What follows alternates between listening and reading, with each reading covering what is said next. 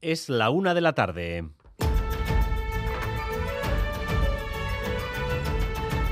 Crónica de Euskadi con Dani Álvarez.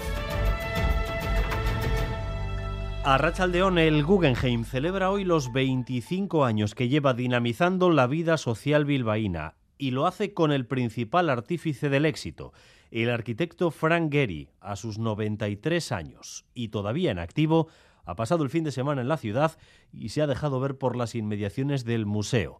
Va a ser uno de los asistentes a la cena de gala en la que hoy más de 400 personas están invitadas. Guggenheim Xavier Madariaga, se nota que es un día distinto. Sí, se nota el museo rodeado de turistas que hoy no solo admiran su arquitectura, si andan listos pueden llegar a ver al mismísimo Frank Gehry, el arquitecto que lo hizo posible. We went over and they said, Frank Gehry, so yes, we are so delighted. A sus 93 años lo acabamos de ver salir del hotel en el que se aloja en la explanada del Guggenheim Paseo frente a cámaras y turistas y para dentro del museo. Gary lleva todo el fin de semana en la capital vizcaína, es el primero que no quiere perderse los 25 años de una de sus criaturas. Él atrae todos los focos mientras dentro del museo a punto de acabar está la reunión de los patronatos de ambos lados del Atlántico, los máximos órganos de gobierno de las sucursales que Guggenheim tiene en Bilbao y Nueva York. Esta mañana estaba aquí en Radio Euskadi el alcalde Juan María Burto disfrutando del momento y haciendo memoria a quienes tomaron la decisión de construir el museo con la opinión pública en contra. Es un lujo, ¿no? Que todo esto ocurra, ocurra en Bilbao. Bilbao, sin ninguna duda, sería diferente sin el, sin el Guggenheim. Yo siempre digo, como alcalde de Bilbao, que nunca estaré lo suficientemente agradecido a esas personas, ¿eh? Diputado general, alcalde que tomaron esa decisión de la que hoy otros disfrutamos y de la que hoy hace que Bilbao sea bueno pues una ciudad conocida en el, en el mundo.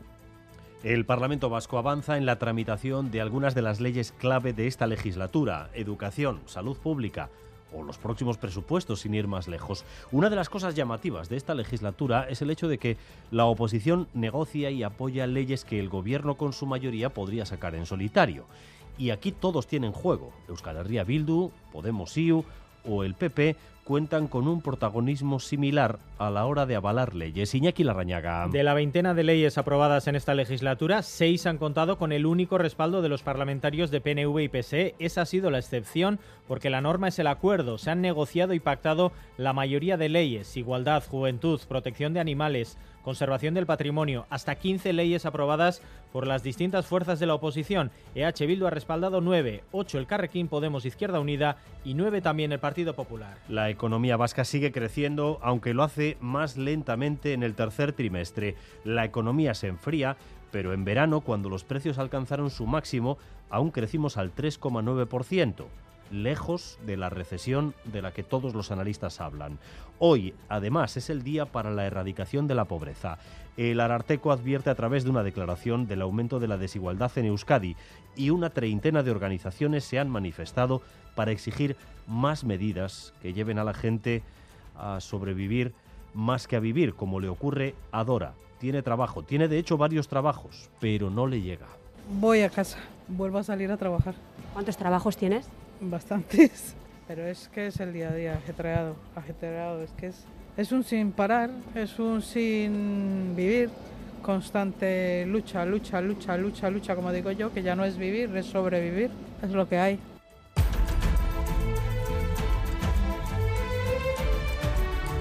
Rusia ha vuelto a atacar Kiev, lo ha hecho esta mañana con un ataque que desmiente esa imagen de ejército y armamento obsoletos que algunos quieren vender de Rusia. Unos drones suicidas han hecho Diana en varios puntos de la capital, Oscar Pérez. Y han provocado al menos tres muertos al impactar en edificios residenciales y también en infraestructuras. Es la primera vez que Rusia ataca con drones barrios de la capital, según ha explicado el propio alcalde. Los aparatos han aparecido en el cielo de la ciudad al poco tiempo de salir el sol y se han lanzado contra varios objetivos.